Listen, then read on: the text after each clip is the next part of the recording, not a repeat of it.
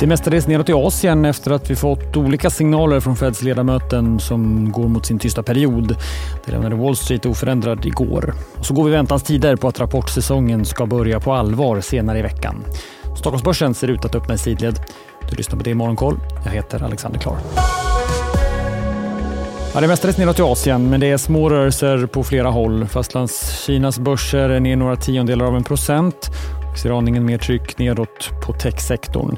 I Tokyo backar börsen nästan en halv procent och fordonstillverkare går svagt medan hm konkurrenten Fast Retailing rör sig åt motsatt håll.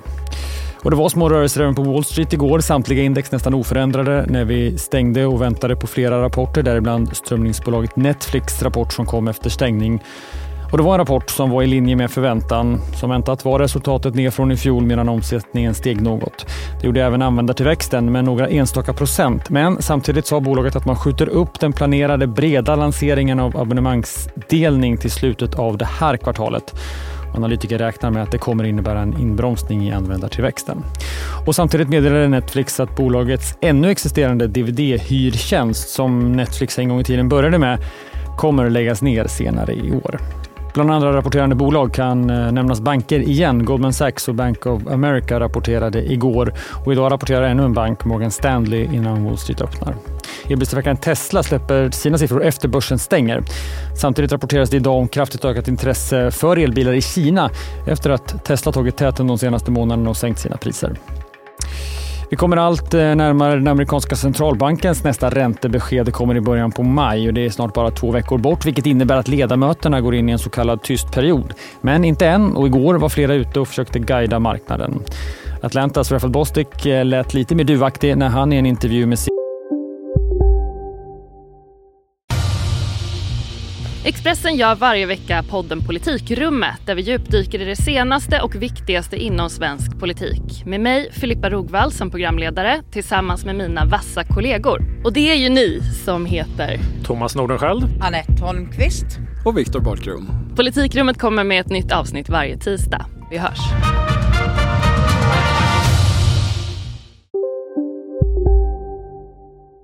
CNBC sa att han ser en höjning med 25 punkter för att centralbanken sen borde lugna ner sig en stund för att se att effekterna verkar igenom ekonomin.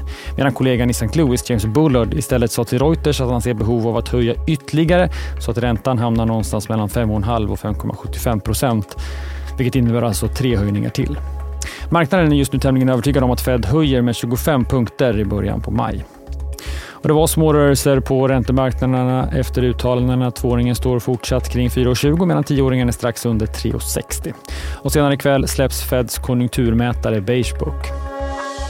Sverige är så. SPAC-bolaget ACQ Bure som backas av investmentbolaget med samma namn köper säkerhetsbolaget Yubico.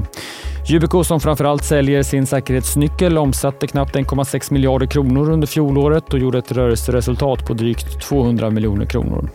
Spacken och Yubico kommer gå ihop och ta namnet Yubico och affären kommer gå i lås under det tredje kvartalet i år förutsatt att det godkänns på en extra stämma. Yubico värderas till 8,2 miljarder kronor och förutom SPAC-bolagets kassa så kommer även nya aktier tryckas. Och Patrik Tigersköld, nuvarande styrelseordförande i ACQ Bure, blir ordförande även i det nybildade bolaget. Det är fortsatt trögt för svenskt byggande. Analysföretaget Byggfaktas byggstartsindikator som kom nu på morgonen fortsatte att minska i mars. I årstakt är nedgången drygt 10 procent. Det är ganska så tunt på dagens rapportagenda. Rapportsäsongen drar igång på allvar imorgon. Då får vi bland annat Volvo som vi redan vet kommer bli bra, men vi får fullständiga siffror och på fredag så släpper verkstadsjätten Sandvik sin rapport. Men en handfull rapporter redan idag, däribland fastighetsbolaget Platser och kontraktstillverkaren Note. Ni hör båda bolagens vd i Börsmorgon som startar kvart i nio. Eller lyssna på programmet som en podd. Vi släpper den klockan 11. Det avslutar det i Morgonkoll. Det är onsdag den 19 april. Vi hörs igen imorgon. Jag heter Alexander Klar.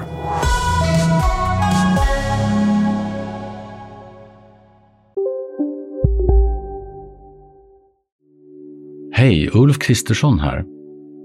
På många sätt är det en mörk tid vi lever i.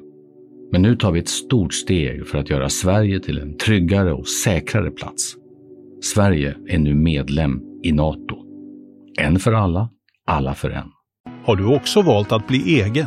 Då är det viktigt att skaffa en bra företagsförsäkring. Hos oss är alla småföretag stora och inga frågor för små. Swedeas företagsförsäkring är anpassad för mindre företag och täcker även sånt som din hemförsäkring inte täcker. Gå in på swedea.se företag och jämför själv.